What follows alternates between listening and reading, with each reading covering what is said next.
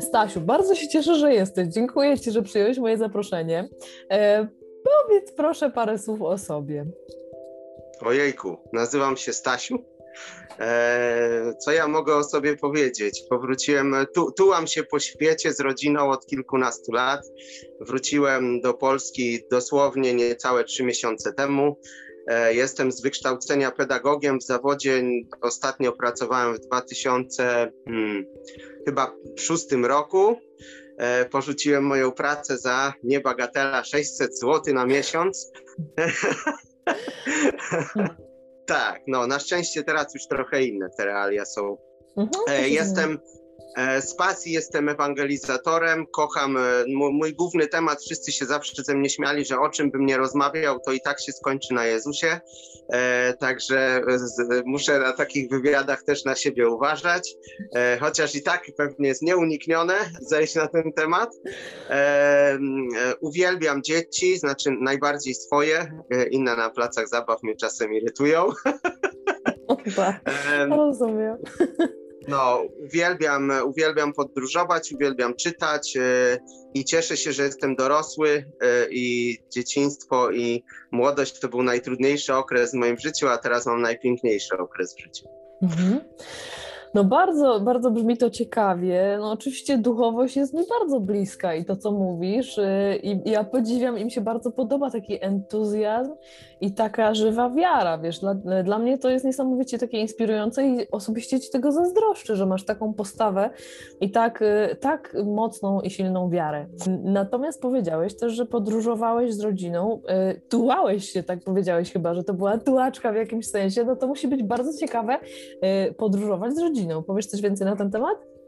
Jasne, oczywiście. Zaczęło się od żony i od wyjazdu naszego do Anglii. E, to były wtedy takie bardziej, e, no chcieliśmy coś e, nowego w życiu doświadczyć i chcieliśmy też wbrew jakby wszystkiemu zobaczyć, czy nam się w ogóle uda życie za granicą, bo myśmy podjęli z żoną decyzję o wyjeździe z Polski, jak był no już taki szczyt prawie recesji w całej Europie mhm. i wszyscy się na nas rzucili jak takie rekiny, nas zaczęli łapać, szarpać i mówić nie wyjeżdżajcie tam na ulicy, wylądujecie, to już jest koniec, tu macie stabilne prace za tysiąc złotych i tak dalej, nie? E, także to, to, to dla nas było wielkie takie wyzwanie, które chcieliśmy spróbować. Mieliśmy w głowie to, że chcemy poznać nową kulturę, że chcemy wyszlifować swój angielski, który już był wtedy płynny, dobry i tak dalej, ale chcieliśmy go wypróbować w realu, na żywo. E, no i wyjechaliśmy w 2008 roku do Anglii, w której zostaliśmy prawie że do teraz, ale to do tego jeszcze dojdziemy. E, no i tam się urodziły nam dzieci. Dzieci to jest jeden z powodów, dla którego wróciliśmy właśnie do Polski, bo bardzo chcieliśmy, żeby e, wychowywały się jednak tutaj, czego bardzo dużo osób nie rozumie i nas ciągnie za języki, dlaczego. My się tym chętnie dzielimy oczywiście i tak dalej ale pomiędzy tą Polską a Anglią e, jeszcze była wielka hiszpańska przygoda, jak my to nazywamy. Znaczy się w ogóle bardzo podróżowaliśmy dużo. E, zaczęło się od małych wyjazdów, jakieś tam Paryże, Rzymy, z, tego, z tej Anglii, która dodała nam skrzydeł też takich finansowych, e, bo nie, no, ukrywać nie można, w Anglii żyje się dosłownie, no nie wiem, tak, tak teraz patrzę, jeszcze nie mam dokładnego porównania, ale dosłownie jest 3-4 razy łatwiej, jeśli chodzi o taką możliwość podróżowania i spełniania takich finansowych, wymagających, marzeń wymagających nakładów finansowych, nie? Więc żeśmy na kilka takich podróży po Europie najpierw z żoną pojechali, najdłuższa to była na trzy miesiące, dosłownie prawie dookoła Europy, tylko żeśmy Skandynawię pominęli tam na górze, a tak to żeśmy takie kółko zrobili. Na, naszym hotelem Corsa nazwaliśmy tak nasze autko czerwone wtedy jeszcze. Dużo nocy spaliśmy w aucie, na dziko gdzieś tam przy plaży, przy górach, oglądając wschody słońca we Francji, e, nad, e, e, przy kanionie Verdon i tak dalej. No było cudownie. No i jak nam się urodziły dzieci, to zaczęły się głosy, że to teraz to już trzeba się ustatkować No więc żeśmy się tak ustatkowali, że żeśmy wszystko sprzedali, dosłownie wszystko. Żeśmy robili gara, garażowe wyprzedaże, jeździłem na takie tak zwane car boot sales w Anglii, e, więc gdzieś tak 80% naszych rzeczy sprzedaliśmy, resztę oddaliśmy do charity shops, czyli do takich sklepów charytatywnych. E, i z jednym autem, a i dom też sprzedaliśmy Anglii, no i jednym autem wyruszyliśmy w podróż. Nie wiedzieliśmy nawet ile ona będzie trwać, bo plan był między rok a trzy lata. Skończyło się na 500 dni, czyli mniej więcej w połowie tego, powiedzmy mniej więcej, ale była to potężna przygoda z dziećmi, która się dopiero teraz skończyła. Można by powiedzieć, że jeszcze się kończy, bo wciąż jakby przepraszam, się tak stabilizujemy tu i szukamy drogi do jakiegoś normalnego życia, pracy i tak dalej, co nie jest łatwe. Ale ogólnie no, między tą Anglią a Polską było teraz 500 dni podróży, e, głównie w Hiszpanii, w UK trochę, w Polsce 4 miesiące, w zeszłe lato.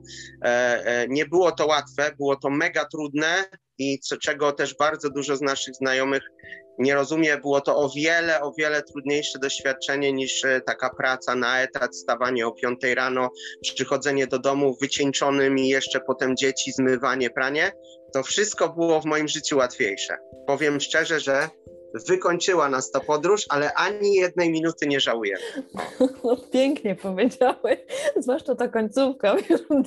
Wiesz co, ja słuchając tego, ja jestem pełna podziwu, bo wyobrażam sobie, że trzeba mieć gigantyczną odwagę, żeby się na coś takiego zdecydować, bo to jest wyjście poza strefę komfortu. W ogóle już posiadanie dzieci to jest wyjście poza strefę komfortu.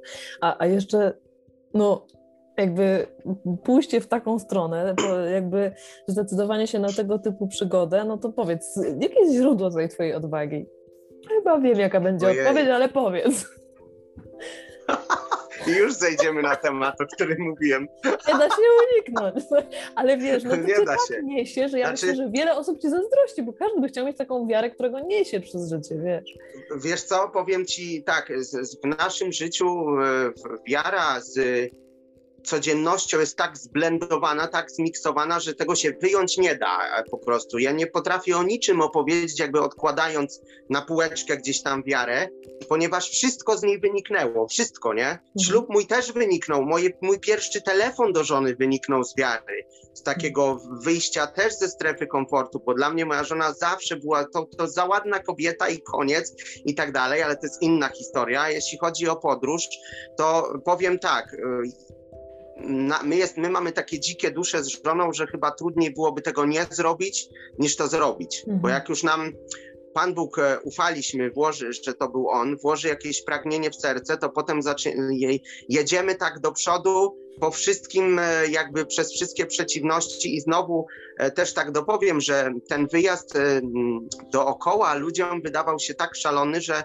było tak jak z wyjazdem do Anglii. Tak? Czy oszaleliście, macie tutaj dom, macie super pracę, macie pieniądze, macie do końca życia stabilne życie. Co wy robicie?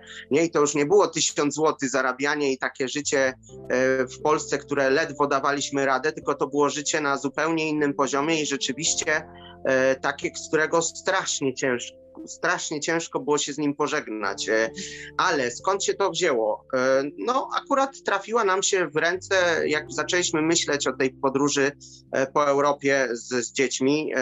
Najpierw się zaczęło od tego, że pojechaliśmy w, w zimie, w grudniu na Teneryfę z naszym jeszcze wtedy synem tylko, mieliśmy jedno dziecko i to było chyba po trzech miesiącach deszczu w, w Anglii i potem jeszcze śniegu i, i to takiego deszczu, że nie dało się w ogóle z domu wychodzić, nie? No i, te, i, i pojechaliśmy na tą Teneryfę, a tam nasz syn od siódmej rano już z butami naszymi czekał, wkładał nam buty, do, on nawet dwóch lat nie miał, wkładał nam buty na łóżko i tylko mówił idziemy, idziemy.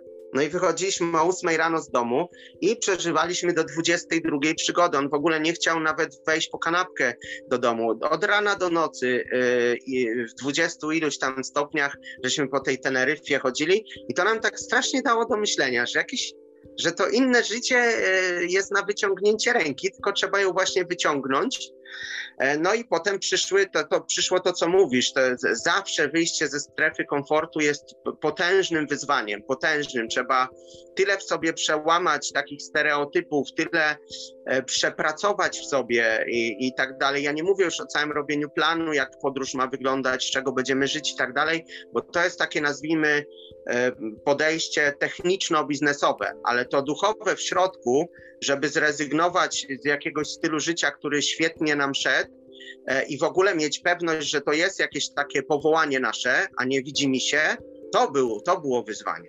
I wtedy nam wpadła książka e, do ręki, jeśli chcesz chodzić po wodzie, to musisz, e, to musisz wyjść z łodzi. Jest taka książka.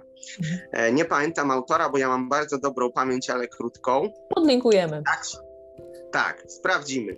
I ta książka nas po prostu rozwaliła. To, to, to, ta cała książka, która jest taka gruba, jest po prostu o jednym wydarzeniu z Biblii, która jest właśnie o tym, jak Piotr wychodzi e, do, do, do Jezusa i zaczyna się tam topić i tak dalej. I autor cały czas mówi o takim procesie, który się dział e, w tym Piotrze, który musiał tą wiarę w sobie odbudowywać i tak dalej, właśnie wyjść z tej strefy komfortu, z tej łodzi i tak dalej. No i moja żona jeszcze nie była przekonana, ja nie wiedziałam, jak ją przekonać tak do tego wyjazdu i w pewnym momencie powiedziałem tak, modliłem się wieczorem i mówię, Panie Boże, no Ty ją musisz przekonać, wiesz jak to jest, do wszystkiego Ty ją przekonałeś, ja tu nie mam nic już do zrobienia więcej, nie? No i wtedy moja żona mówi, a wyślij mi na Kindle tą książkę, jak e, chcesz chodzić po wodzie to, to wyjdź z Łodzi.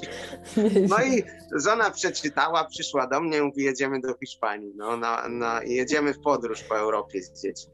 Wow. No i tak to się zaczęło. Piękna historia, piękna. Ale zawsze byłeś taki wierzący, Stasiu? Czy się coś takiego konkretnego wydarzyło w twoim życiu, że, że jakoś tak...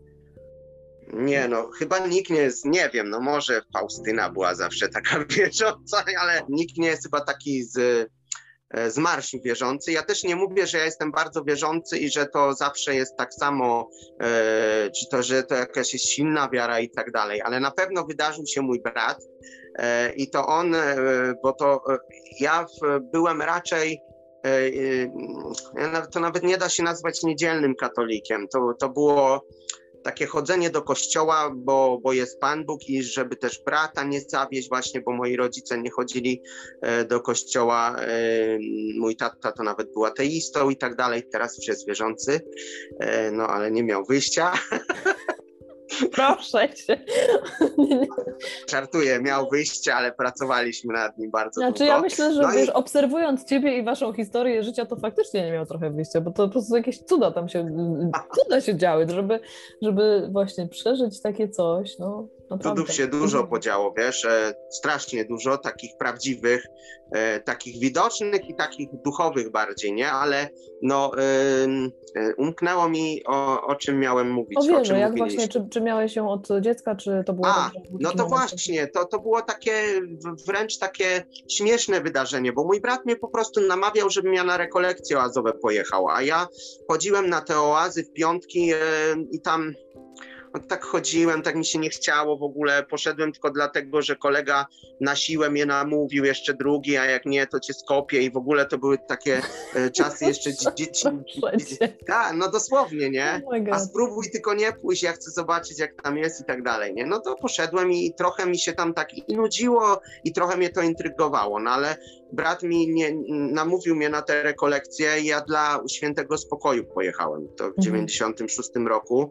E, oczywiście nie powiedział mi takich szczegółów, że tam codziennie będę musiał nam przejść i się modlić, bo wtedy to bym na pewno nie pojechał. No właśnie chciałam wtrącić, że ja byłam na rekolekcjach oazowych i powiem Ci szczerze, że dla mnie nie było to jakieś doświadczenie takie, hmm, e, jakby to powiedzieć. Hmm. No na pewno coś tam wniosło, natomiast Chyba nie do końca to jest taki mm, mój typ duchowości, który ja. Tak. przeżywania tej duchowości, który tak. ja jakoś chyba inaczej wolę. Tezę, ekumenizm, no ja ci powiem, klimaty, wiesz.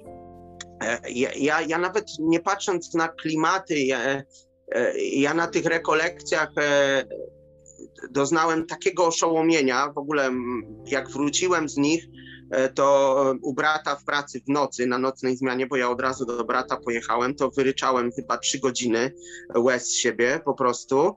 E, I te łzy polegały właśnie na, takim, na takiej jednej rzeczy, która do dziś mnie zachwyca w wierze e, chrześcijańskiej, którą się strasznie wykrzywia właśnie w mediach, w mhm. książkach takich, które jakby chcą ośmieszyć chrześcijaństwo. Mhm. Ja z tych rekolekcji wróciłem z potężną świadomością, jakim bardzo jestem pokrzywionym człowiekiem potrzebującym pomocy i jakby to teraz wziąć na taką wagę, nie? Te takie stare wagi, że się stawia te odważniki. I na drugiej stronie tej wagi było to, jak bardzo na maksa jestem kochany, piękny, cudowny, stworzony na Boży obraz i podobieństwo i tak dalej.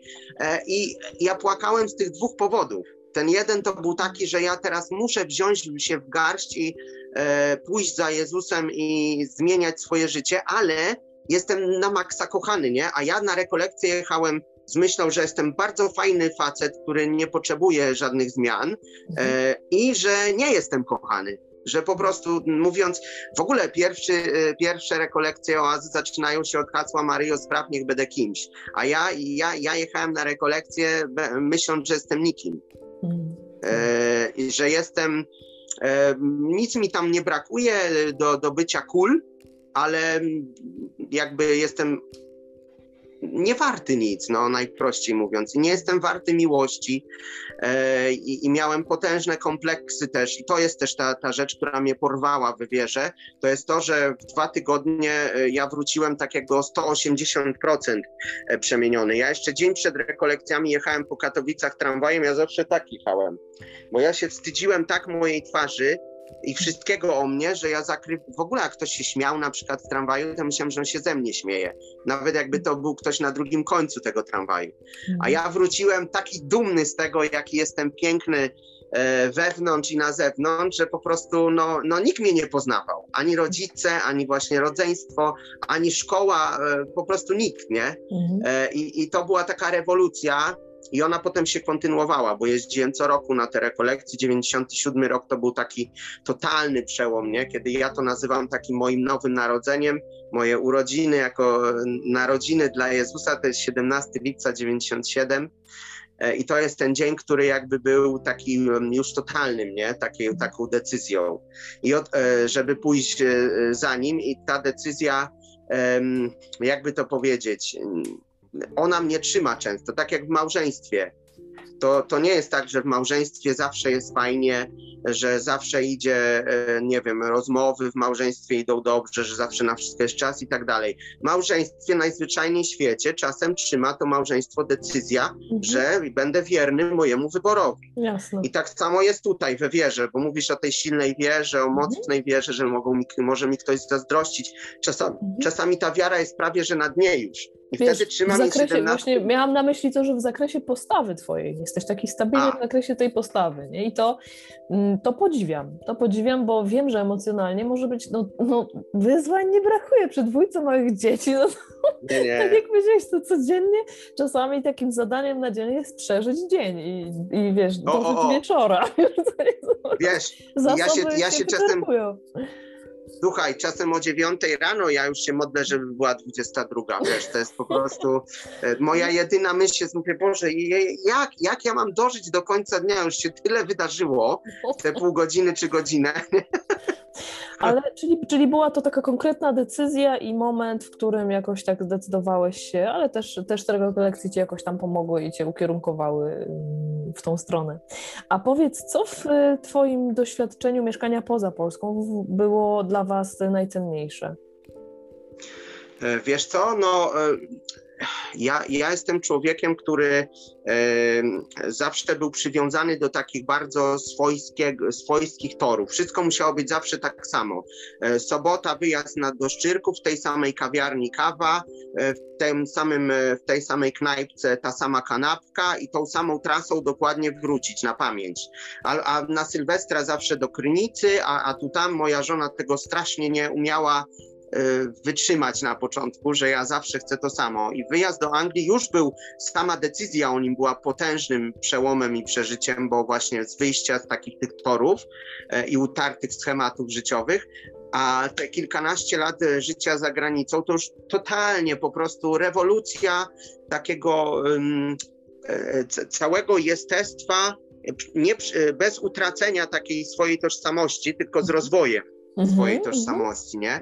Czyli, że właśnie musieliśmy się nauczyć, że, żeby w ogóle jakby to zobrazować, że żadne tory już, nie jesteśmy już pociągami, które muszą jechać po konkretnych torach, tylko teraz bierzemy skrzydła i lecimy tam, gdzie e, nas poniesie e, duch, nie? Czyli tak jakby to w ciemno duchowo właściwie, w ciemno.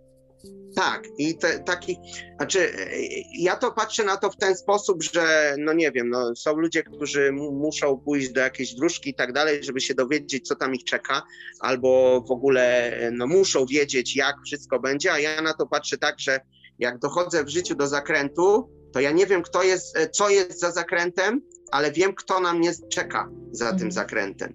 Czyli masz taką postawę zaufania to, takiego.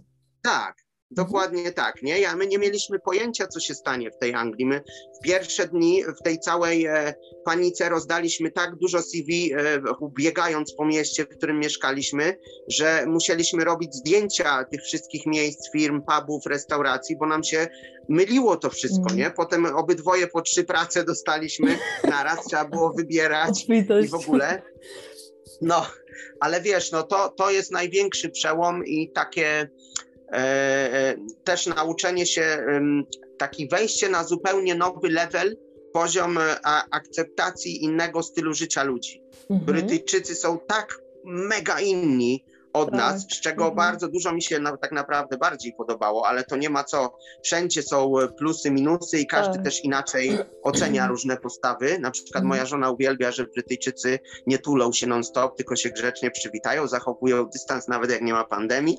Prawda, tak prawda, prawda. Trzy lata mieszkałam, więc faktycznie bardzo podobnie to odbieram, że tak. Ale tak, ta różnorodność no, ja... mnie też fascynowała. To było coś, coś niesamowitego i takie poczucie, że że to jest takie okej, okay, że każdy jest inny, że jakiś facet w turbanie w metrze siedzi. Jakieś, na początku to dla mnie było takie szokujące, że w ogóle jejku, w ogóle trochę się bałam. Jeszcze to było po tych e, zamachach e, w metrze, więc to też człowiek tak trochę się bał tym metrem podróżować. Ale jednak tak. bardzo to było potem pozytywne zjawisko i takie ubogacające, nie? Takie, że to różnorodność to jest takie bogactwo, prawda?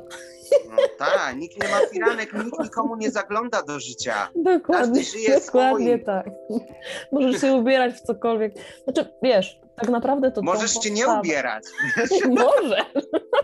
ja mam tą postawę już na szczęście życiowo, że tak powiem, takiej wolności chyba, wiesz, w takim miejscu jestem akurat, ale nie miałam tego. No tak jak ty mówisz, no w ogóle jak się ma naście tam lat, no to człowiek się zmaga z kompleksami, z wyzwaniami, no to jest ciężki okres, prawda? No ale też tak. ważny, ważny na pewno. Czyli to ja ci teraz pytanie zadam. O, o kurczę. Jak byłaś w Anglii, czy spotkałaś kogoś w sklepie e, buszującego i robiącego zakupy w szlafroku? Wiesz co, w szlafroku nie. Aczkolwiek A, widziałam widzisz. bardzo różne osoby w bardzo różnych strojach i przebraniach, tak bym powiedziała. No, w naszym, Zwłaszcza w naszym na mieście, tak, no, w naszym mieście widzieliśmy ludzi w szlafroku codziennie. E, to było dla nas, w ogóle wiele było dla nas szokiem. Albo na przykład dzieci, które przyjeżdżały na basen E, ubierały się po basenie od razu w piżamy po południu, nie? I wracały w tych piżamach domu. E, ja, ja się, ja na początku jeszcze psioczyłem nawet żonie, mówię, ale w piżamach, ale jak to można i w ogóle piżama jest w domu, żeby ubierać. Takich wiele takich e, i, i, i, lat, i zajmowało mi to naprawdę czas, żeby ten proces w głowie przejść, mhm. że to jest ich kultura, że to jest ich sposób bycia tak, tak. i oni, my jedne rzeczy bardziej na luzie robimy, a oni inne. I tyle. I to trzeba najzwyczajniej w świecie zaakceptować, nie? To, to czuję jako wielki plus ja podróżowania w ogóle po świecie, nie? Mhm. Bo tak, to tak, tak. No, nie Doświadczanie tej inności, różnorodności, tego jak człowiek może mieć kompletnie różne poglądy, wizje i, i pomysły na życie, nie? To jest no, ciekawe bardzo. Dokładnie. Czyli to było najcenniejsze dla ciebie właśnie, ta, ta różnorodność.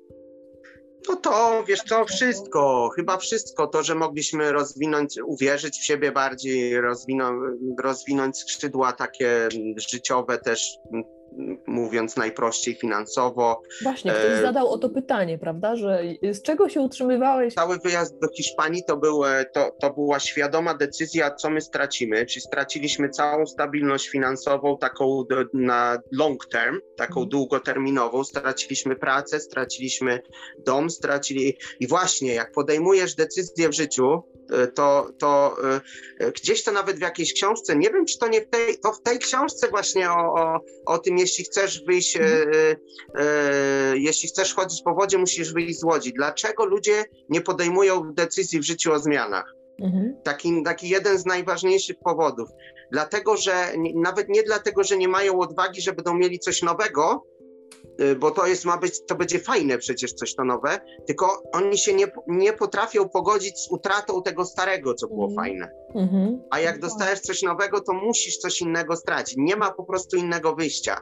I my y, przy, przed tym naszym wyjazdem musieliśmy się pogodzić z tymi stratami. Już dochodzę do odpowiedzi na Twoje pytanie. I częścią tego procesu, bo my to półtora, prawie dwa lata żeśmy jakby ten E, taki cały plan rozwijali tego wyjazdu i musieliśmy też rozwinąć, jak to zrobić finansowo. Mhm. E, więc planem, plan był taki, że sprzedamy dom E, w szczycie, e, właśnie nie na, na dnie recesji, tylko w szczycie wysokich cen, mhm. a to w Anglii czasem leci w górę, mija parę lat i możesz drugie tyle dostać za dom. Mhm.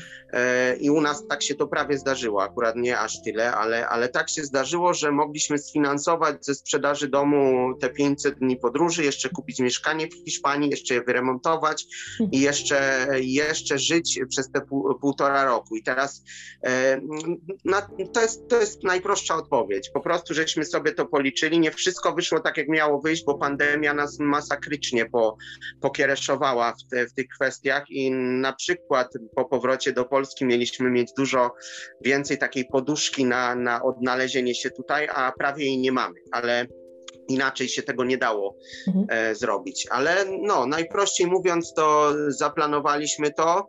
E, I bardzo dużo osób się dziwiło, czemu my tyle chcemy wydać na półtora roku z dziećmi, a nie na przykład na w ogóle.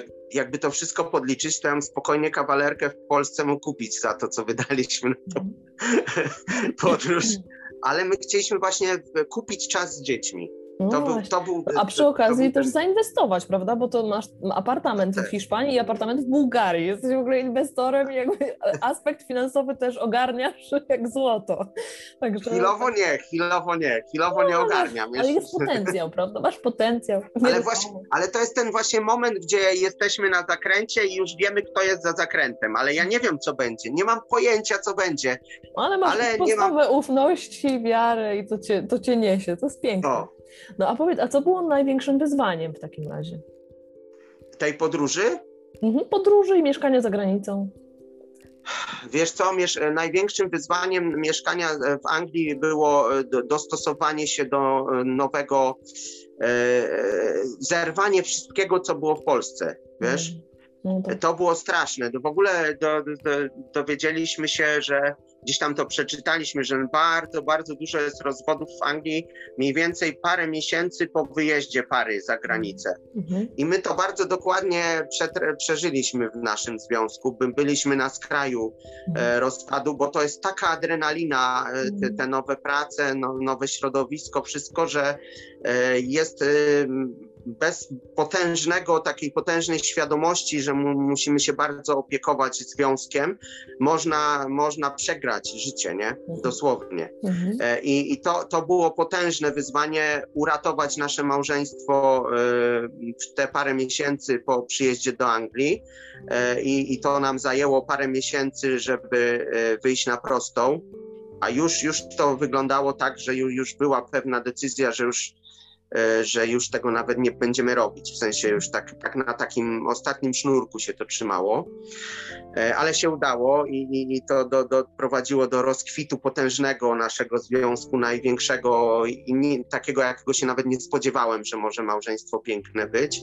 E, a jeśli chodzi o Hiszpanię, to już powiem, że, że ta niby podróż, nie? Słońce w ogóle, plaże cały czas, pierwszy dzień w Hiszpanii, to ja nie zapomnę, jak żeśmy w listopadzie, to, to był 1 grudnia, poszliśmy na plażę, 20 parę stopni i moja żona do mnie mówi, zobacz, to tu codziennie teraz będziemy mieli, jakie życie i w ogóle ja sobie wyobrażałem, że żona będzie spacerować z dziećmi, ja będę sobie drugą książkę pisać i w ogóle gdzie w życiu tragedia, naprawdę, słuchaj. Czyli oczekiwania i rzeczywistość. Tak, nie no, wy, wy, wyzwań tak, wyzwań było miliony, miliony potężnych wyzwań.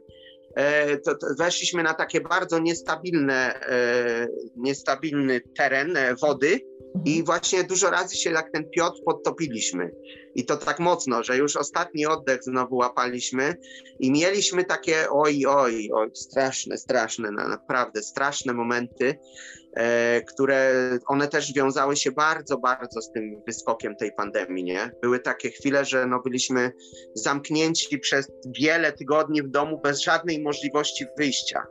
Włochy i Hiszpania miały jeden z najcięższych e, na świecie lockdownów, wiesz? Mhm. Bo ja na przykład nie mogłem wyjść z synem nigdzie. Ja nie mogłem go nawet na klatkę schodową wyprowadzić legalnie. Mhm. On musiał być cały czas w domu i potem łaskawie jeszcze premier Hiszpanii powiedział, że można na własny balkon wyjść, wiesz? To no, trzeba było tak ogłosić. No to, to faktycznie grubo, grubo. No, no I to nie było, tam wyszedłeś z domu, policja była przy tobie od razu i to nie jest, to, oni się tam nie patyczkowali, że to nie było tak jak tutaj, że ludzie jakieś pokazywali konstytucja, ja nie zapłacę mandatu. Gdzie? Tysiąc euro mandatu i do widzenia. No i nie ma żadnego po prostu zmiłuj się. No i my żeśmy się siedzieli w tym domu, to było bardzo ciężkie wyzwanie. Był, zrobiliśmy z tego super zabawę dzieciom, nawet syn powiedział, że to było najlepsze tygodnie w jego życiu w ogóle, ta pandemia i czemu ta choroba się już kończy. Wow. Jak, jak, no, ale dla nas, no, ta, ta, te, te półtora roku podróży to jest tak, jakbyś na przykład robiła przeprowadzkę i ona by trwała półtora roku. Nie zapomnijmy, że z dziećmi. Jeszcze przeprowadzka z dziećmi to też jest wiesz, coś innego, nie? Bo sama przeprowadzka to już jest no. wyzwanie, a jeszcze z moimi dziećmi, które oczywiście można je angażować do tego, w jaki sposób zachęcać do współpracy, w zależności od etapu. Natomiast takie malutkie dzieci, bo wasze miały wtedy może 2-4, czy w jakim wieku były? Wiesz co, no nasz syn kończy 5 lat w sierpniu, córka, córka wyjechała z nami jak miała 3 miesiące, wiesz? Mm -hmm. O, kolejne wyzwanie, wytrzymać te płacze, ząbkowania, brzuszki, no tak. kolki, kolki, to Boże przynajmniej w moim życiu się nic bardziej rozwojowego nie wydarzyło niż posiadanie dzieci. To jest w ogóle doświadczenie, które mnie kompletnie zmieniło, także to oczywiście to się yy, właśnie, no, no żelazo się hartuje w ogniu, mówią, nie? Jest takie jakieś powiedzenie, że... A. Złoto w się sprawdza, tak. Masz rację, absolutnie się z Tobą zgadzam. Dzieci w ogóle tak oduczają egocentryzmu i w zwyczajnym życiu takim codziennym e, jest praca, jest e, jakby higiena psychiczna, jest dużo łatwiej osiągnąć taki balans. E, mhm. W Anglii cały czas się o tym mówi, work-life balance, mhm. work-life balance. Tak, tak. Jak ja byłem młodszy w tej Anglii, ja cały czas myślałem, a idź mi z tym balansem, ja chcę mieć wolnego jak najwięcej i tyle. Moja, moja myśl taka była, i bez dzieci to, jest, to nawet wcale nie jest takie, nazwijmy to trudne. Ja z żoną mogłem spędzać 24 na dobę i e, przez całe miesiące i nigdy to nie powodowało jakichś takich e, napięć mhm. większych, nie? Natomiast przy dzieciach to już się staje bardzo trudne. To już jest. E, musisz mieć jakiś świat, w którym nie wiem, na chwilę się wyłączyć z tych pielów, z tego non-stop chaosu. Tak, jak no. najbardziej. No. Zwłaszcza, że to jest przebodźcowanie. Jeszcze jeżeli jesteś wrażliwym człowiekiem i masz bardzo wrażliwy słuch, a z tego co wiem, ty jesteś też bardzo muzykalny i muzykujący, prawda? W każdym razie właśnie y, hałas, nie? Że dzieci naprawdę no, okazują swoje emocje bardzo często hałasem. Nie złością, krzyczą, cieszą się, to się głośno śmieją. To jest dla mnie jako wrażliwca chyba najtrudniejsze, właśnie ten hałas. Nie? Dlatego ja walczę, żeby sobie... Bo powiedziałeś taką rzecz, że dzieci oduczają egocentryzmu. Ja się z tym w 100% zgadzam, ale jest też takie niebezpieczeństwo, że człowiek zupełnie o sobie zapomni i wtedy ma problem, bo, bo nie uzupełnia tych zasobów. Ja, ja zmagam się z tym problemem jakoś tam, no i uczę się gospodarować tymi zasobami, nie? bo widzę, że to jest to, co ci tam chyba kiedyś pisałam, że wolę być w lepszej jakości z dziećmi, ale na przykład krócej, jeżeli jest to możliwe, a w pandemii to nie było możliwe, więc no, to jest taka teoria, wiesz. E, niż, niż wiesz, być długo i być no, sfrustrowana i z tymi zasobami już kompletnie wyczerpanymi, nie? Także to jest Tak. też gruby temat, gruby temat, Stasiu. To jest, to jest bardzo gruby temat, dlatego że to też zależy dokładnie to, co mówisz, jakim się jest, e, jakie się ma predyspozycje jako rodzic, nie? Mhm. Bo są, ja naprawdę, y, jak tam się czyta te wszystkie, mamy z żoną fioła na punkcie czytania artykułów, o, o, o, to, to w ogóle e, na zachodzie to już nie jest edukacja domowa, to już się nazywa inaczej. E, To się nazywa unschooling, czyli całkowicie Unschooling, odszkalanie mhm, dziecka. Tak, ja jestem, ja followuję to wszystko, słuchaj, bardzo to, ja, Tak. chyba słychać moje dzieci w tle właśnie, które jeszcze Tak. nie śpią, ale to, no tak, to jest autentyczna rozmowa, nie będziemy tego edytować akurat, słuchaj, no tak wygląda życie rodziców właśnie, że jest e, work-life balance, wiesz, ta ukierunkowana uwaga na przykład, nie, E, Mówiłeś o tym właśnie czasie z tą pandemią i o tych książkach, inspiracjach, artykułach i a A, twoje śpią? Ja myślałem, ja myślałem, że to u mnie będzie problem, wiesz, bo ja słyszę moje dzieci, tam na razie jest podejrzanie cicho, wiesz. No właśnie ja słyszę, że u ciebie jest bardzo cicho i już myślałam, że śpią i tam, myślałam, że moje też Znaczy, śpią. żona jest z dziećmi, wiesz, żona jest z dziećmi teraz, ale e, mówiliśmy o tym hałasach, o by- a właśnie, o tym, że predyspozycja. Tak, Są naprawdę ludzie, którzy tak jak ja z żoną, na przykład jak myśmy wyjeżdżali z żoną na trzy miesiące, sami we dwoje, to ludzie się pukali po głowie, że my zwrócimy rozwiedzeni, nie? A my mamy zupełnie z żoną odwrotnie. Nasza dynamika małżeństwa jest taka, że im więcej godzin spędzimy razem bez przerwy, tym lepiej, tylko we dwójkę, we dwójkę. Przy dzieciach wszystko się zmienia. I to samo uważam o dorosłych. To trzeba e, e, decyzje podejmować o mm, no, stylu życia z dziećmi według własnych predyspozycji i e, talentów, pragnień, ale właśnie limitów też, które się ma, nie? Mhm, tak. Ja na przykład nauczyłem się na tej podróży, że ja się nie nadaję na pewno do edukacji domowej, Mhm. takiej, która by kazała mi, sprawiała, że będę z dzieckiem jednak zawsze całą dobę, nie? Mhm, Po prostu nie, ja, ja muszę gdzieś coś robić, ja, Jasne. ja muszę wychodzić do pracy i tak dalej. jasne. I to jest ciekawe doświadczenie dla mnie, bo nie, byłem, nie wiedziałem o sobie tego. Mhm. Myślałem, że bez problemu, bez limitu będę potrafił być z Mhm. dziećmi, takim super ojcem, zawsze naładowanym, Mhm. e, gotowym do ekstra wychowania i tak dalej, nie? Mhm. Ale co cię nie zabije, co to cię wzmocni, a najchętniej będę się chlubił z moich słabości, więc tak jak mówię, ten, te 500 dni totalnie z dziećmi... Poczekaj, poczekaj, przerwę ci tutaj. Mówisz słabości, a ja to odczytuję jako wartość jednak, dlatego że w moim poczuciu dobry ojciec i dobry rodzic to jest taki rodzic, który właśnie pokazuje dzieciom, że ma pasję, że ma jakieś talenty, które rozwija i realizuje i, i że nie dziecko jest w centrum jego świata i, i, i że dziecko jest pępkiem świata, tylko dziecko też Tak. uczy się przez obserwację, sam wiesz jak jest, nie? Że, Tak. I dlatego Tak. tak warto pielęgnować też tą swoją relację samemu ze sobą, prawda? I te swoje jakieś No, tam...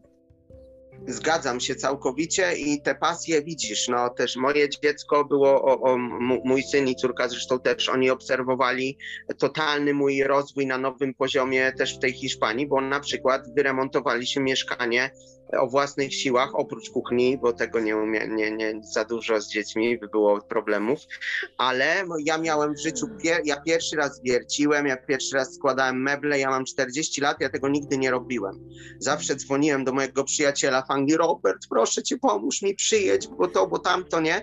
No i dzięki temu, że wyjechałem i nikogo nie miałem, to musiałem, znaczy właśnie nawet nie, że musiałem, ale takie pragnienie się zrodziło, że zacznę się tego uczyć Mhm. i, i myśmy z synem poskładali wszystkie meble, nie, czteroletnim synem. Piękne doświadczenie integrujące, cudowne, bardzo. Tak, Dokładnie, podoba. także mieliśmy w tej Hiszpanii podzielony dzień te ostatnie pół roku tak, że było pół dnia pół dnia coś robimy, na przykład, nie wiem, wiercimy dziury, robimy półki, e, kręcimy mebla, wieszamy coś na ścianie, jakieś ozdoby, co tam piękne żona zrobiła, a drugie pół dnia jedziemy sobie na plażę, czy tam idziemy do parku, czy na plażę, czy na wycieczkę.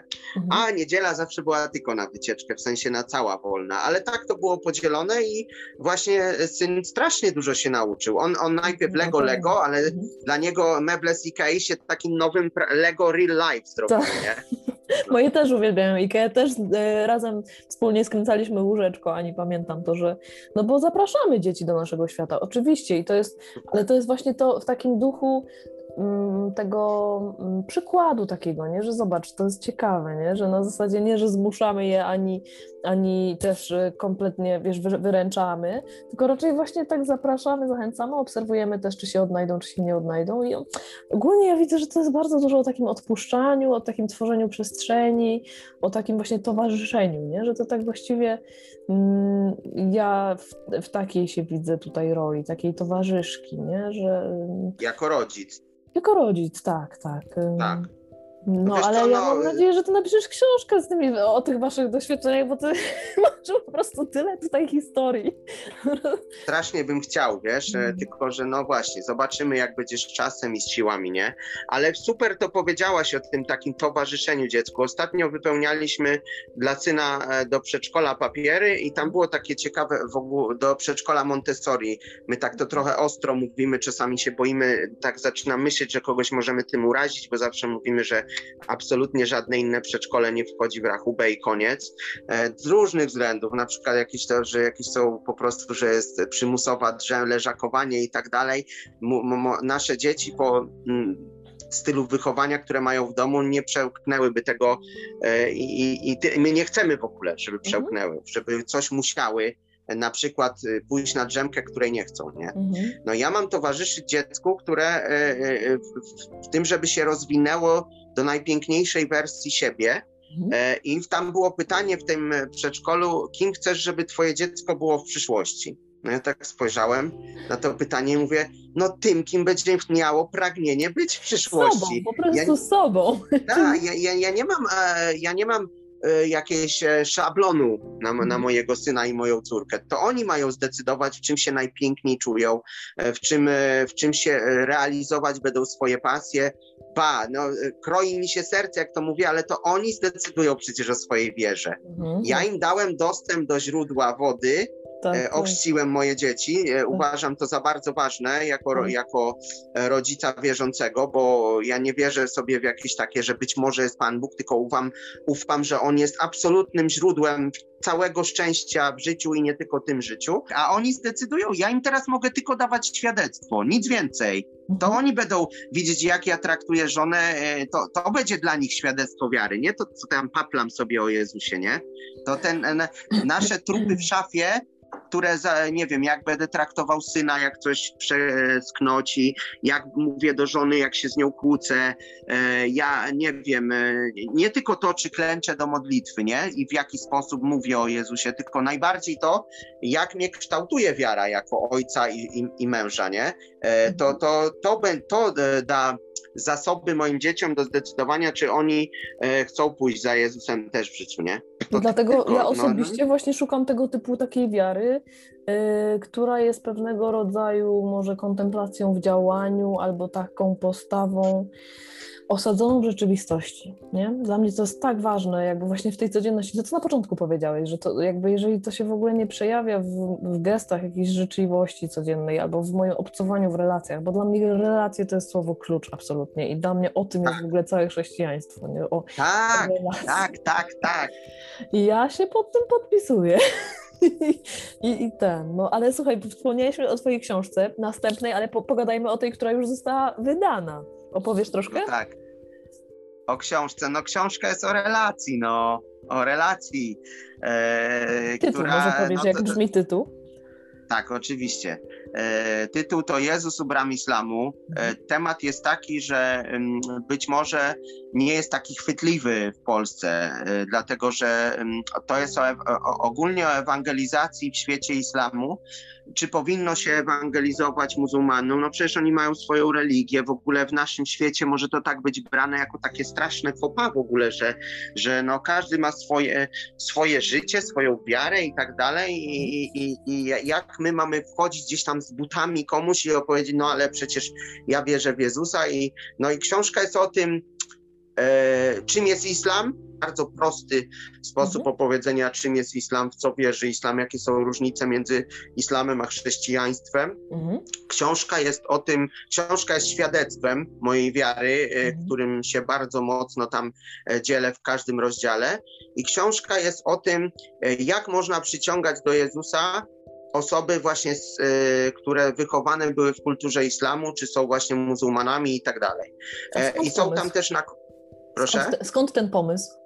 Oj, skąd pomysł? No to też było zupełnie takie, Jezu, jakby mi ktoś powiedział pięć lat temu, że ja coś takiego będę pisał, to bym, no nie wiem, mówił, człowieku, oszalałeś, no ale nieważne, no E, zaczęło się już w 2015 roku. To, to był ten rok, co pojechaliśmy w podróż po Europie z żoną na te trzy miesiące. Mhm. I ludzie nam, ale uważajcie tam wszędzie, emigranty, ratunków, zabiją was sie, siekierą, maczetą i tak dalej na, na granicy włoskiej. I ten, no i my tacy byliśmy, i co to będzie? No ale od tego czasu zaczęło się w ogóle, że wszyscy, że Europa będzie zislamizowana, że, że tutaj e, wszystkich nas nawrócą na islam, jak nie rozmową, to siłą i tak dalej.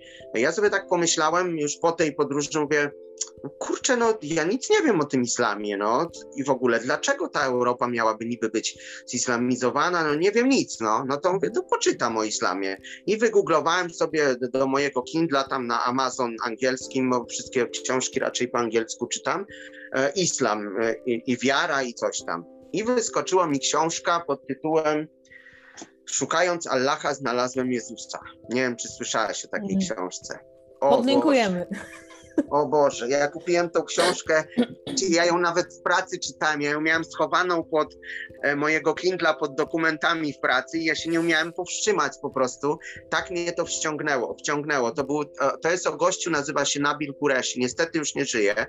e, zmarł na raka żołądka, młody bardzo człowiek. I on e, wiele lat procesu przeżył, kilka lat e, nawracał się na chrześcijan, poznał chrześcijanina, e, który opowiadał mu o Jezusie, świadczył i tak dalej. I on opowiada, co się działo w jego głowie, mhm. jak on musiał zerwać po prostu to wszystko, e, całe swoje myślenie o wierze obrócić do góry nogami, bo wbrew pozorom ludzie się bardzo skupiają na podobieństwach między islamem a chrześcijaństwem, bo ich trochę jest, ale wbrew pozorom to są tak odwrotne, mhm. tak zupełnie na czym innym polegające religie, że taki muzułmanin musi wszystko, wszystko rzucić e, w swoim myśleniu duchowym wszystko obrócić do góry nogami. I ta książka mnie mega, ja po prostu zacząłem połykać książki jak pelikan o islamie, zacząłem czytać o ewangelizacji islamu, o w ogóle non-stop, jedna za drugą. I podzieliłem się z moim znajomym zakonnikiem, ojcem Witem Klądowskim z Cieszyna, o, o, o tej mojej nowej pasji. On mówi, mnie też islam pasjonuje, napisz książkę, to ja ci pomogę ją wydać. A ja mówię, ja książkę? On mówi, no pisz, przecież ty już tyle przeczytałeś, że pewnie w Polsce jesteś jedną z nielicznych osób, co, co tyle jakby już y, się, się o tym dowiedziała. No i o ewangelizacji muzułmanów też, nie? A ja mówię, no, no dobra, no i, i, i, wiesz, co jest najlepsze? Ja tą książkę zacząłem pisać, a ten ojciec Wit do mnie zadzwonił, że oni to w ogóle wydawnictwo będą otwierać i, i że już na pewno będzie ta książka wydana. Także ja zaczynając pisać, miałem e, już pewność, że książka będzie wydana, nie? I mhm. pisałem ją dwa lata, naczytałem się mnóstwo, naoglądałem się filmów, filmików na YouTubie, oglądałem muzułmanów próbujących mnie nawrócić, bo chciałem też zrozumieć sposób, jak oni w cudzysłowie ewangelizują, w sensie nawracają, bo dużo chrześcijan, są chrześcijanie, którzy się na islam e, nawracają i chciałem jakby zrozumieć, w jaki sposób e, mhm, oni przekonują. Mhm. Tak. tak. I, i, no i to, to była dla mnie no, największa taka strawa e, książkowo-duchowa w moim życiu. Potężna przygoda. Jak pisałem, to mi się palce paliły. Po prostu ja nie spałem po nocach. Chodziłem do pracy po dwóch godzinach spania, bo ja sobie obiecywałem na przykład, że będę pisał do 22, a pisałem do trzeciej nad ranem, nie? Mm. I, i, I tak to, no tak to wyszło z tą książką. I ona nie jest tylko o islamie, tylko tak chciałem powiedzieć, że to naprawdę nie jest tylko książka o islamie i że ją bardzo zachęcam do przeczytania. Jest to Czyli taki można wielki... ją kupić, podlinkujemy też, tak? Y, tak, jest można. dostępna. Mhm, także jest zachęcamy, dostępna. zachęcamy. Super. Dzięki. No bardzo fajnie. No, a powiedz, y, co zmieniło w tobie twoje doświadczenie bycia ojcem? O Jezu. Wszystko. Kolejny temat rzeka. Naprawdę, no, no nie będę cię, nie, nie, to, to, to ciężko opowiedzieć w ogóle w jednym zdaniu, wiesz, ja, ja prowadzę takiego bloga w ramionach taty i mój syn od pierwszych miesięcy życia mnie e, rewolucjonizował moje patrzenie, o, choćby i na wiarę. Mhm. Na przykład dzisiaj sobie czytałem takie wspomnienie na Facebooku napisane sprzed trzech lat, kiedy byłem w dużo lepszej formie duchowej. Mhm. Dzisiaj jestem, wtedy byłem w skali od 1 do 10 w jakiejś dziewiątce, dzisiaj mówię 2-3 jestem tak mniej więcej, więc sam sobie świadectwo dawałem. I tam właśnie pisało coś takiego, że mój syn, wtedy miałem tylko syna, jedyne, jedyne co potrzebuje, to jest obecność i relacja, nic więcej. On nie ma, on nie oczekuje od taty, że ja mu coś dam, że ja mu coś e, e, załatwię, że ja mu coś, on miał wtedy, nie pamiętam, z półtora roku, czy coś takiego, jak ja to pisałem, te słowa. E, on po prostu chce być, chce mhm. być przy mnie. Chce się, e, chce czuć moje, moje ciepło, moją obecność i tak dalej. No ja tak na niego patrzyłem, mówię, Jezu, to jest dokładnie, to, to jest chrześcijaństwo. Mhm. Ja nie mam nic od mojego Boga oczekiwać, ja nie mam chodzić do Niego z pompejankami, że ja mu to, a on mi tamto e, i, i, i na przykład nie przekupy, wiesz, ja to wiem i tak jakby mhm. wiedziałem zawsze, ale mój syn mi to potęgował, jakby ja to znałem czyta, z czytania, z myślenia o tym, spróbowania życia tym, a on tym po prostu żył. Czyli z teorii I, to znałeś, a zobaczyłeś to w praktyce, jak to wygląda. Tak, ja mówię, to jak on swojego tatę traktuje mnie, tak ja mam traktować mojego tatę, ta, mojego ojca w niebie. Po prostu chcieć z nim być. To jest moja modlitwa.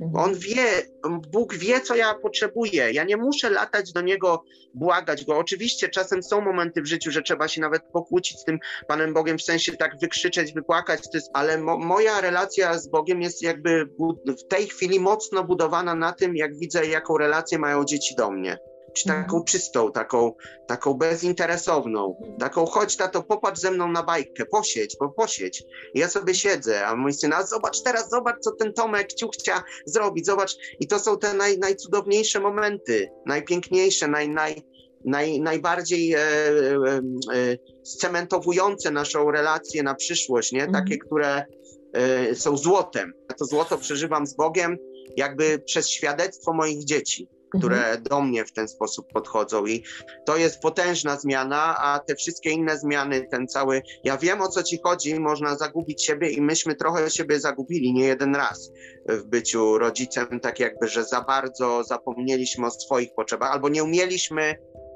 zrobić tak, żeby je wypełniać, te mhm. potrzeby, bo mieliśmy świadomość, mhm. ale myśmy byli potężnymi ego, egocentrykami z żoną, potężnymi takimi e, wręcz ksią, książę i księżniczka. E, zanim się staliśmy rodzicami, to już się polepszało, polepszało, polepszało, ale potem jakby przyszła kolejna rewolucja, nie? Że mhm. to nie, że życie nie będzie takie, że my sobie codziennie wieczorem e, z soczkiem obejrzymy serial Friends e, przed spaniem, potem krzyżówka i w ogóle nie, że, że E, no. Choć takie właśnie. chwile też się zdarzają oczywiście, prawda, że czasami może się zdarzać, ale, ale życie jest piękne, ale też jest trudne i są, jest przestrzeń na to tak. i na to. Mm, ale chciałam właśnie wtrącić tutaj, że mnie dodatkowo jeszcze dzieci uczą takiej właśnie uważności, bo jak obserwuję, jak one są na 100% zanurzone w tu i teraz, że one się potrafią tak. zachwycić kamyczkiem i po prostu kontemplować ten kamyczek przez 15 minut. Y, no, niesamowita jest ta taka zdolność do tego i dla nich jest y, taki moment właśnie tyle mam po prostu jakby od nich czerpię, obserwując ich właśnie. To, że oni patrzą się z zachwytem, z entuzjazmem. Yy, póki nikt tego im nie zniszczy, to będzie to ich niosło, no ale... O. Zobaczymy, no wiesz, no póki nikt nie zniszczy, tak? I tutaj wchodzimy na ostatni już temat, ale najtrudniejszy dla mnie osobiście, temat edukacji. Jak A mogę ci coś jeszcze powiedzieć? Dawaj, dawaj. Najwyżej wytniesz, nie?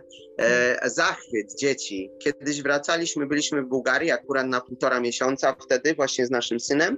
Wracaliśmy z całodniowej wycieczki pe- przepełnionej takimi przygodami, że nie masz pojęcia, nie? Wielkie lody w restauracji, plaża, widoki, e, ściganki w lesie przy klifach, wiesz, nie wiadomo co, nie? Mhm. No i tam e, o, syn to wszystko przeżył z nami, wracamy.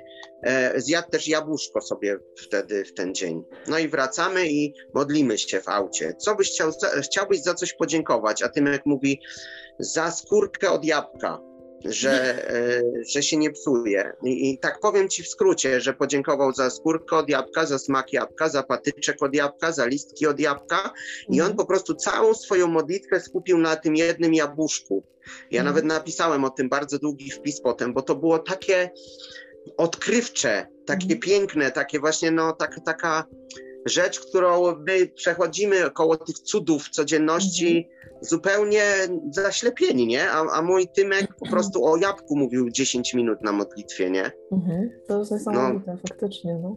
E, no. no. my teraz wprowadziliśmy taką tradycję, no, mam nadzieję, że to będzie tradycja, na razie, na, na razie nam dosyć dobrze idzie, e, że co niedzielę mamy takie spotkanie rodzinne i wyrażamy, zaczynamy to spotkanie rodzinne od e, wyrażania wdzięczności.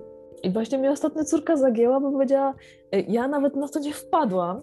E, I zaczęłam tam dziękować, no za co mężowi, dziękuję za co dzieciom, każdemu z nich osobno.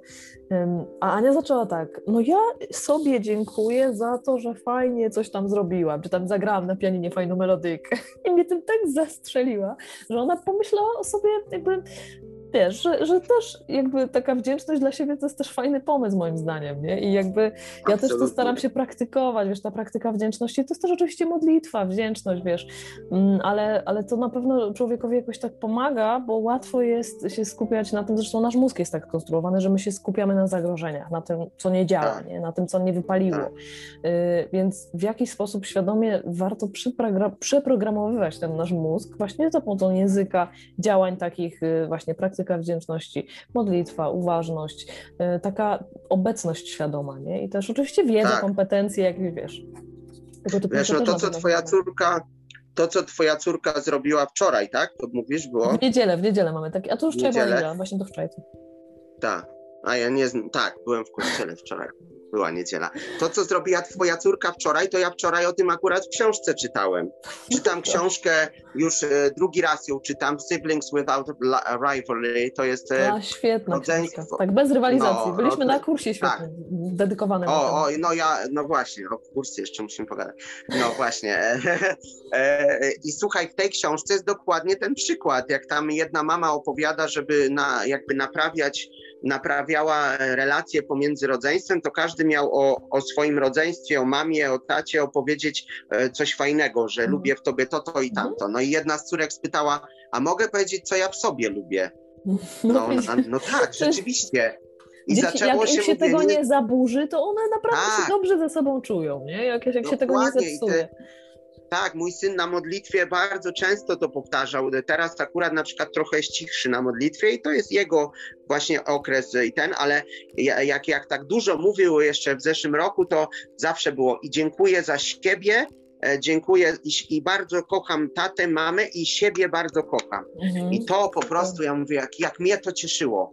na pewno, na pewno, bardzo to jest ważne, Stasiu, co ty mówisz, dlatego, że też wiele osób takich wierzących, religijnych, bym powiedziała, no, hmm, zapomina o sobie zupełnie, wiesz, i potem tak. moim zdaniem jest genialna zresztą książka, którą też podlinkuję, Patologia duchowości. I niektórzy ludzie ukrywają się za religijnością, nie chcą się skonfrontować z wiesz, jakimiś psychicznymi też, wiesz, tak. czy to zaburzeniami, czy to no, bardzo wiele osób się z tym zmaga. Nie? To nie jest wcale odosobnione, zresztą po pandemii, to naprawdę uważam, na ostatnim wywiadzie też to mówiłam, że y, cytowałam księdza Krzysztofa Grzywocza, że każdy mieć, powinien mieć swojego terapeuta, że to dla higieny psychicznej naprawdę no, wgląd w siebie. Nie? I dla mnie potem jest właśnie duchowość, potem jest relacja z Bogiem. Jak ja jestem świadoma, jak ja wiem, kim jestem, jak ja mam ze sobą relacje, nie? I, i jakby, tak. no to, to, to potem mogę jakoś. Oczywiście to nie jest tak, że ta relacja będzie mm, jakaś taka stabilna, bo, bo życie się tak zmienia, człowiek się zmienia, dzieci nas zmieniają, codziennie nowe wyzwania i tak dalej. No ale właśnie w zakresie postawy, nie? To też do tego wrócę. Znaczy wiesz, no to, to, to ta duchowość, to co mówisz i to takie, mm, e, taki rozdźwięk pomiędzy tym zapominaniem o sobie i w ogóle to jest też wynik bardzo wykrzywionej duchowości, mhm. e, bo, bo pra duchowość prawdziwa chrześcijańska prowadzi do super, do pięknego rozwoju takiej mhm. harmonii duchowej, do miłości siebie, mhm. do docenienia siebie, razem z tym to, co mówiłem na samym początku naszej rozmowy, zrozumieniem tego, jak jest jestem słaby, jakie mam słabości Mhm. e, i tak dalej, bo to jest też piękny motor do pracy nad sobą i Mhm. to jest dla mnie różnica pomiędzy chrześcijaństwem a takim świeckim podejściem często, że e, chrześcijaństwo w tak piękny sposób pokazuje ci twoje słabości, że ty nie upadasz jakby psychicznie przez to, tylko powstajesz i, pra, i pracujesz, bo wiesz, że jakby budujesz na tej miłości siebie, jesteś w stanie się dalej rozwijać, nie? Mhm. E, No a w Polsce chrześcijaństwo, ja to całe dzieciństwo słuchałem o tej grzeszności, o tym jak ludu mój ludu, co ja ci uczyniłem Mhm. i, i, i tak dalej, i tak dalej. Cały czas wina, cały czas e, Mhm. e, budowanie takiego poczucia, i że, no, że nawet ten Pan Bóg jakoś, jakoś mnie tak dotknie, jak, jak już się wyspowiadam, to, to się nie będzie mnie brzydził, no.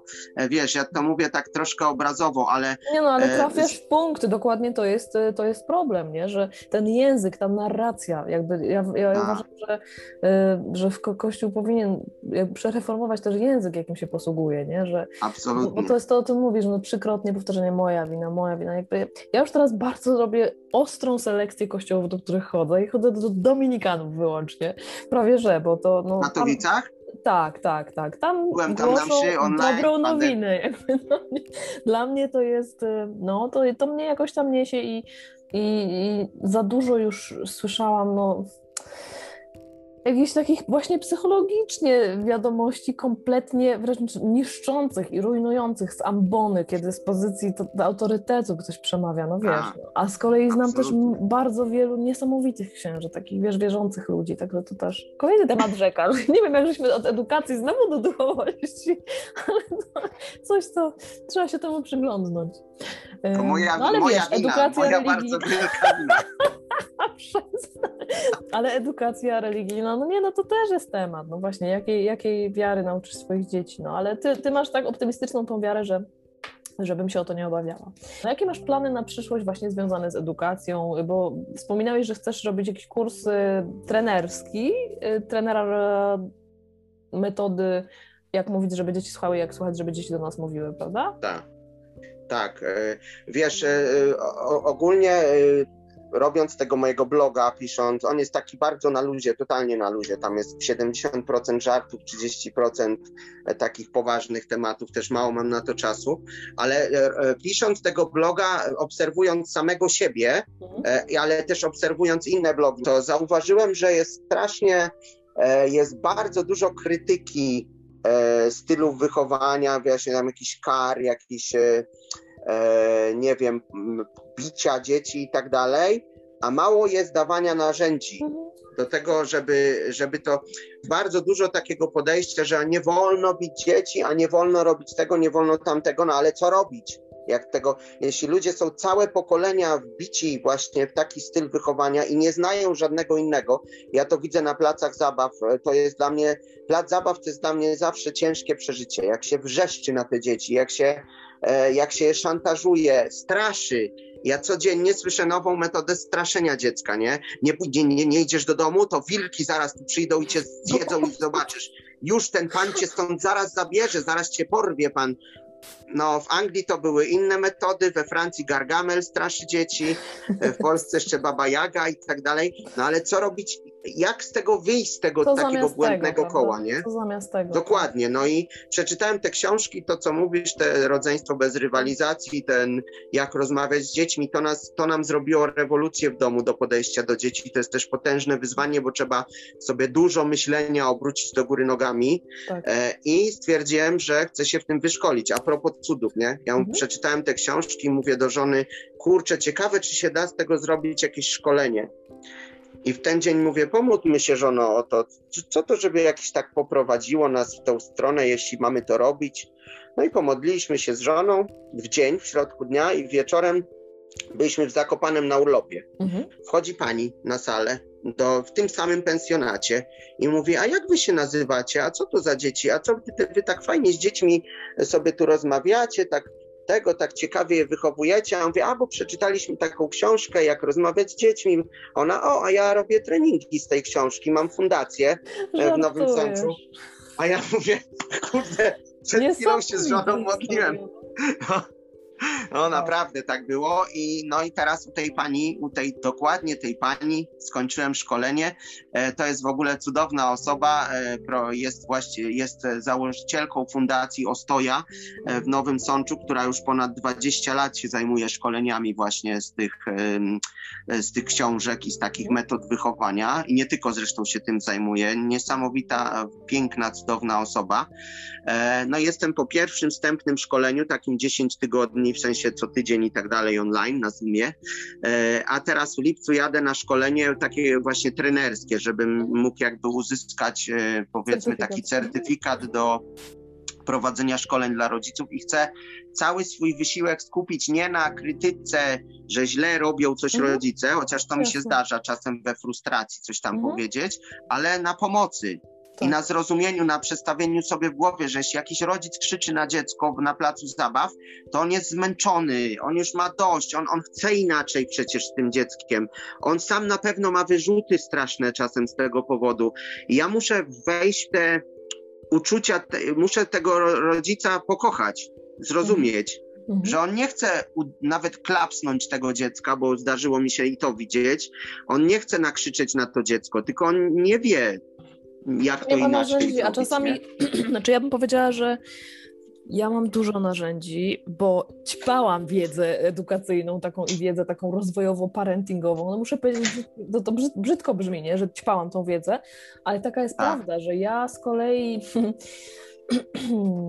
mając takie poczucie, że ja nie mam zielonego pojęcia, co w ogóle co to znaczy być matką i jak ja mam być matką, że nie uczyli nas tego w szkole, co, co się wydarzy w ogóle. Ja bym miała dzieci, no.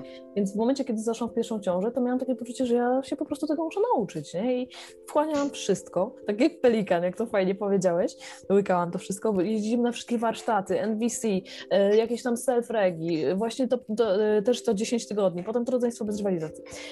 I potem doszłam do wniosku, że jakby hmm, potrzebuję trochę się odciąć od tego wszystkiego, bo sama metoda to jest za mało, bo narzędzia, nawet jak się wyposażysz w narzędzia, fajnie jest je mieć, ale czasami twoje zasoby się i tak wyczerpią, nie? I wtedy nawet jak masz narzędzia, to po prostu wyjdź sobie na spacer. Przynajmniej dla mnie to tak działa, z moich obserwacji, nie?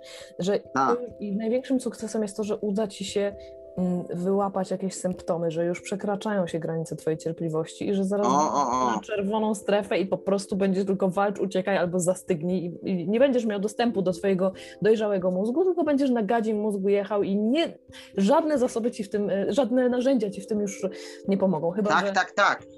Więc Absolutnie. pilnować tej strefy, nie? Ja, mi bardzo pomaga oddychanie tutaj, nie? Bo nasze ciało wtedy skraca oddech, bo właśnie się szykujemy do uciekania, do gonienia tygrysa albo do, do jakiejś właśnie aktywności, więc te głębokie oddechy to jest coś, jak uda mi się to przypomnieć, to praktykuję. Natomiast... A to jest super, co mówisz, ale to jest w ogóle totalna podstawa. We wszystkich tych kursach, o których mówimy, a o tym się też bardzo dużo mówi, że nie ma możliwości stosowania tych e, metod, e, nawet jak już masz je wyuczone, bo, bo to się trzeba wyuczyć. No, nasze dzieci już będą je w naturalny sposób robić tak. i to jest cudowne, nie? Ale nie ma możliwości, jak nie jesteś w dobrej kondycji psychicznej. Tak. E, a oprócz no tego no jeszcze te. Nie? Tak. I oprócz tego te metody też uczą, no na przykład to, co ja chcę, no powiedzmy, poświęcić się temu, tam cała jakby, cała gałąź jest między innymi o twoich własnych granicach, nie, nie? E, e, I rozpoznawaniu swoich uczuć i mówieniu o nich. Tak. Na przykład to mi strasznie pomaga. Moje mówienie do dziecka, że e, słuchaj, ta, ja się zaczynam denerwować teraz, już jestem już sfrustrowany i tak dalej. To ma oczywiście swoje poziomy. Ja w pewnym momencie mówię dziecku, zanim dojdzie do tego, że ja na niego krzyknę, mówię, ja teraz muszę wyjść. Mhm. Muszę, muszę wyjść na pięć minut, uspokoić się mhm. i ja do ciebie wrócę. I to czasem doprowadzi do rozpaczy mojego dziecka, mhm. z tym, że ja mu zawsze mówię, to nigdy nie jest jako kara, że ja cię teraz Jasne, zostawiam, tak. e, bo jesteś B. Tylko ja mhm. mówię, ja cię teraz chcę ochronić Jasne. przed złą wersją siebie. E, i ja nie chcę na ciebie nakrzyczeć, więc ja teraz wyjdę, uspokoję się, ty się uspokoisz, jak, wró jak wrócę, to z tobą porozmawiam. Mhm. Magia po prostu, nie? To jest jedna z, z bardzo fajnych, jedna z bardzo fajnych strategii. Natomiast e, chciałam powiedzieć, że to właśnie też o tej intencji, nie? że dla mnie bardzo istotne jest to, z jaką ja intencją podchodzę do tego mojego dziecka, bo niestety zdarzało mi się, no, że jakoś nabierałam tej takiej pewności siebie w miarę jak zdobywałam te narzędzia, mm, zdarzało mi się tak, no to okej, okay, to co tu zadziała? No dobra, teraz jest to i to, to co można zrobić? To i to i to, okej. Okay. Mhm.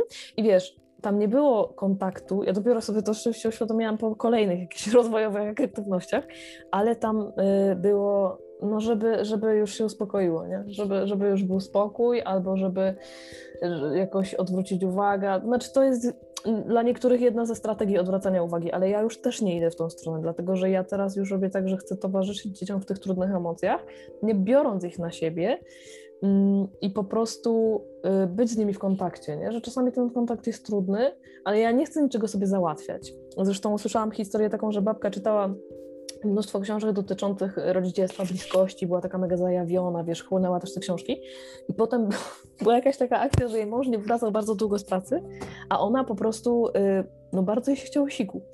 I, a, a, dziecko nie chciało z nią iść do toalety. W każdym razie to dziecko nie chciała. Ona była tak zajawiona i tak sobie to zrozumiała na taki sposób, że ona musi być cały czas blisko tego dziecka i nie może go zmusić do niczego. I w jej odczuciu to było już przymus, że ona go tam weźmie do tej toalety, rozumiesz? I ona dzwoniła po męża, żeby on przyszedł. Więc mm, taka przefiltrowanie tego przez tą intencję, nie? I ta czystość tej intencji też, żeby to Czystość właśnie... intencji jest... Tak, mów, mów. Właśnie, no, no, znaczy to właściwie chciałam powiedzieć, nie? Że, że jakby mi zajęło trochę dojście do takiego właśnie punktu, nie? Że... Mm, no przyglądałam się temu długo, nie? że na przykład właśnie, że te emocje dziecka są czasem dla mnie tak trudne i dlaczego? Wiesz, to jest zadawanie sobie bardzo wielu takich właśnie pytań, nie? że z czego to wynika, że co mnie tak najbardziej w tym wkurza, bo najczęściej to, że to ja się wkurzam, to jest mój problem i to ja, to jest kwestia mojej osobistej odpowiedzialności, żeby się tym zaopiekować, nie?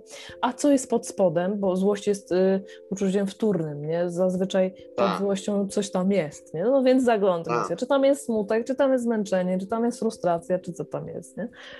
Znaczy, to jest super w ogóle to, co mówisz z tym sikaniem, to jest bardzo ciekawy przykład, co podałaś, bo to jest też takie no, tak jak w duchowości zdarzają się te wykrzywienia, to w wychowaniu też można dojść do e, pewnego rodzaju wykrzywienia e, danej, no, podejścia danego do dzieci, nie? I tak dalej. I można to e, właśnie przedobrzyć i na przykład, no nie wiem, nie puścikać cały dzień, co jest paranoją, ale to jest też ważne, ja to chcę powiedzieć, bo jeśli to nagrywamy, to czysta, czyste metody podejścia do dziecka z szacunkiem, z miłością, z akceptacją jego osobowości, emocji, e, e, wszystkich i tak dalej, absolutnie nie wiążą się z czymś takim, że nie stawia się dziecku granic e, mhm. i że dziecko może sobie robić co chce. I ja to chcę dlatego powiedzieć, bo no masz taką fajną platformę, na której teraz właśnie o tym rozmawiamy. I to jest dla mnie strasznie ważne, ponieważ ludzie y, mylą wychowanie tak zwane bezstresowe mhm. z wychowaniem w miłości i szacunku. Dziękuję, Te dwie że rzeczy nie ma... Dziękuję, te, te dwie rzeczy nie mają w ogóle ze sobą, mają zero wspólnego mhm. ze sobą. Wychowanie bezstresowe, a ono jest, ja je widzę też na placach zabaw, nie? że robi se, to bezstresowe to jest bez granic żadnych, czyli mhm. dziecko se robi co chce, pójdzie tu kogoś kopnie, tutaj wpadnie pod huśtawkę, uderzy, I nie paradoksalnie ono jest wtedy dużo bardziej zestresowane niż gdy ma jasno określone granice i czuje się Oczywiście, bezpiecznie. dokładnie, że tak. I teraz nasze, w naszym sposobie wychowania, ja widzę, że na 100% w Twoim jest, e, tak, e, czuję to i wiem i, zna, i troszkę Cię znam. E, stawianie granicy, czyli uczenie dziecka tego, co może, a co nie może, co jest akceptowalne i tak dalej. Najprościej mówiąc, ta, ta, ta taka złota zasada, że nie, nie czynimy komuś krzywdy mhm. i nie wchodzimy komuś, nie zmuszamy do, mhm. do, do nikogo do niczego. Rodzica też nie, mhm. rodzeństwa też nie. E, to to osiągasz poprzez stawianie granic, rozmowę, te, poprzez um, mówienie uczciwe o swoich odczuciach, o tym, że ty tego nie chcesz, że to ci się nie podoba. Komunikacja, nie? Też mówienie Komunikacja, dlaczego. dokładnie. Nie opowiemy o wszystkim rozumie, teraz. mu powiesz, dlaczego mu stawiasz tą granicę, tak. z czego to wynika. Przecież... I teraz tak, jeśli ty tego dziecka, nie potrzeba żadnej kary, nie potrzeba dziecka e, dać mu do kąta, postawić i, i o, o, jakby poniżać go jakąś karą. Nie potrzeba.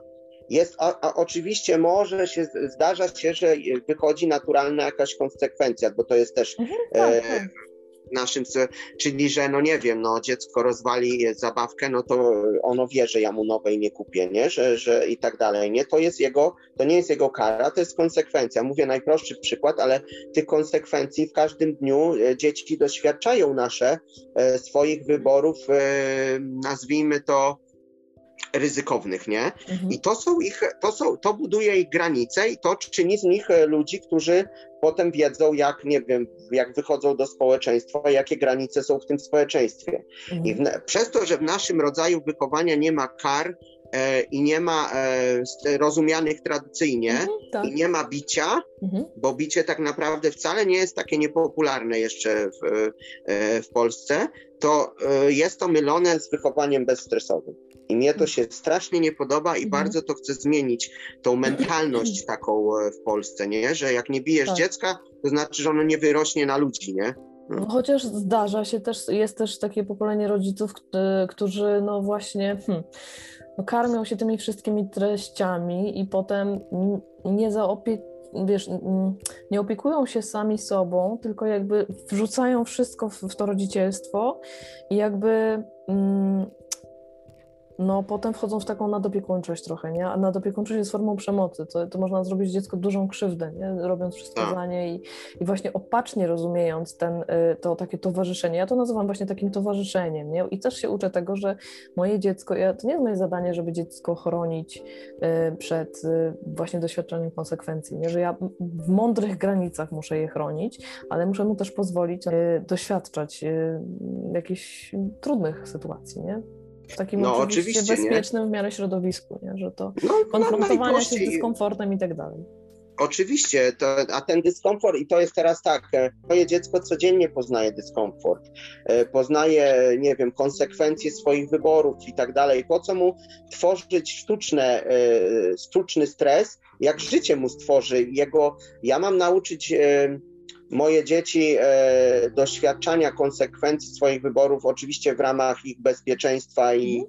adekwatne do wieku i tak mhm. dalej, tak. i nauczyć się, jak sobie wewnątrz potem poradzić z tym wyborem i z tym stresem. To jest moje, a to też one z obserwacji się nauczą bardziej niż tak, z mówienia, tak. nie? Choć, no, nam, nam z synem bardzo fajnie wychodzą te różne rzeczy, nie? Na przykład jak on się wkurzy, ja mu lubię mówić, to pokaż mi buzią.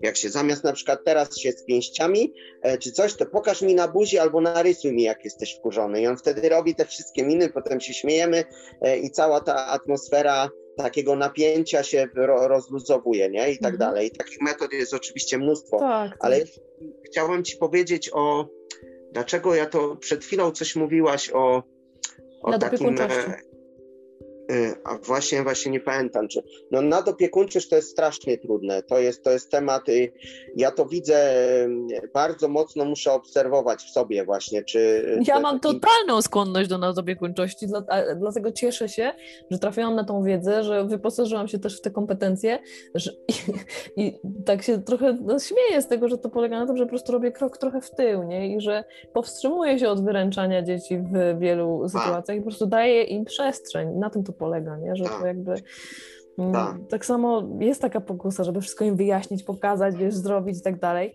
ale właśnie ja widzę, że to im bardzo służy takie... Bardzo, bardzo służy i też to naturalne życie może im to wszystko pokazywać. Właśnie nie trzeba nic sztucznie tworzyć, tak jak to przed chwilą, no nie wiem, na przykład mój syn nadepnął ileś dni temu na jakiś bardzo ostry, e, na coś ostrego w pokoju i strasznie się wypłakał i w ogóle jego bardzo bolało i tak dalej. No i potem mieliśmy bardzo fajną rozmowę o tym, skąd się ta, to, to, to stało, że nie da się chodzić po jego pokoju. E, I jak to się stało, że, e, że, że jest tyle zabawek rozwalonych i w ogóle, no bo e, mój syn, ja mu pozwalam, odłożyć tak. na drugi dzień posprzątanie, jak on bardzo, no mówię, no Tymek, wiesz, to jest twój pokój, no to jest twój pokój jasne.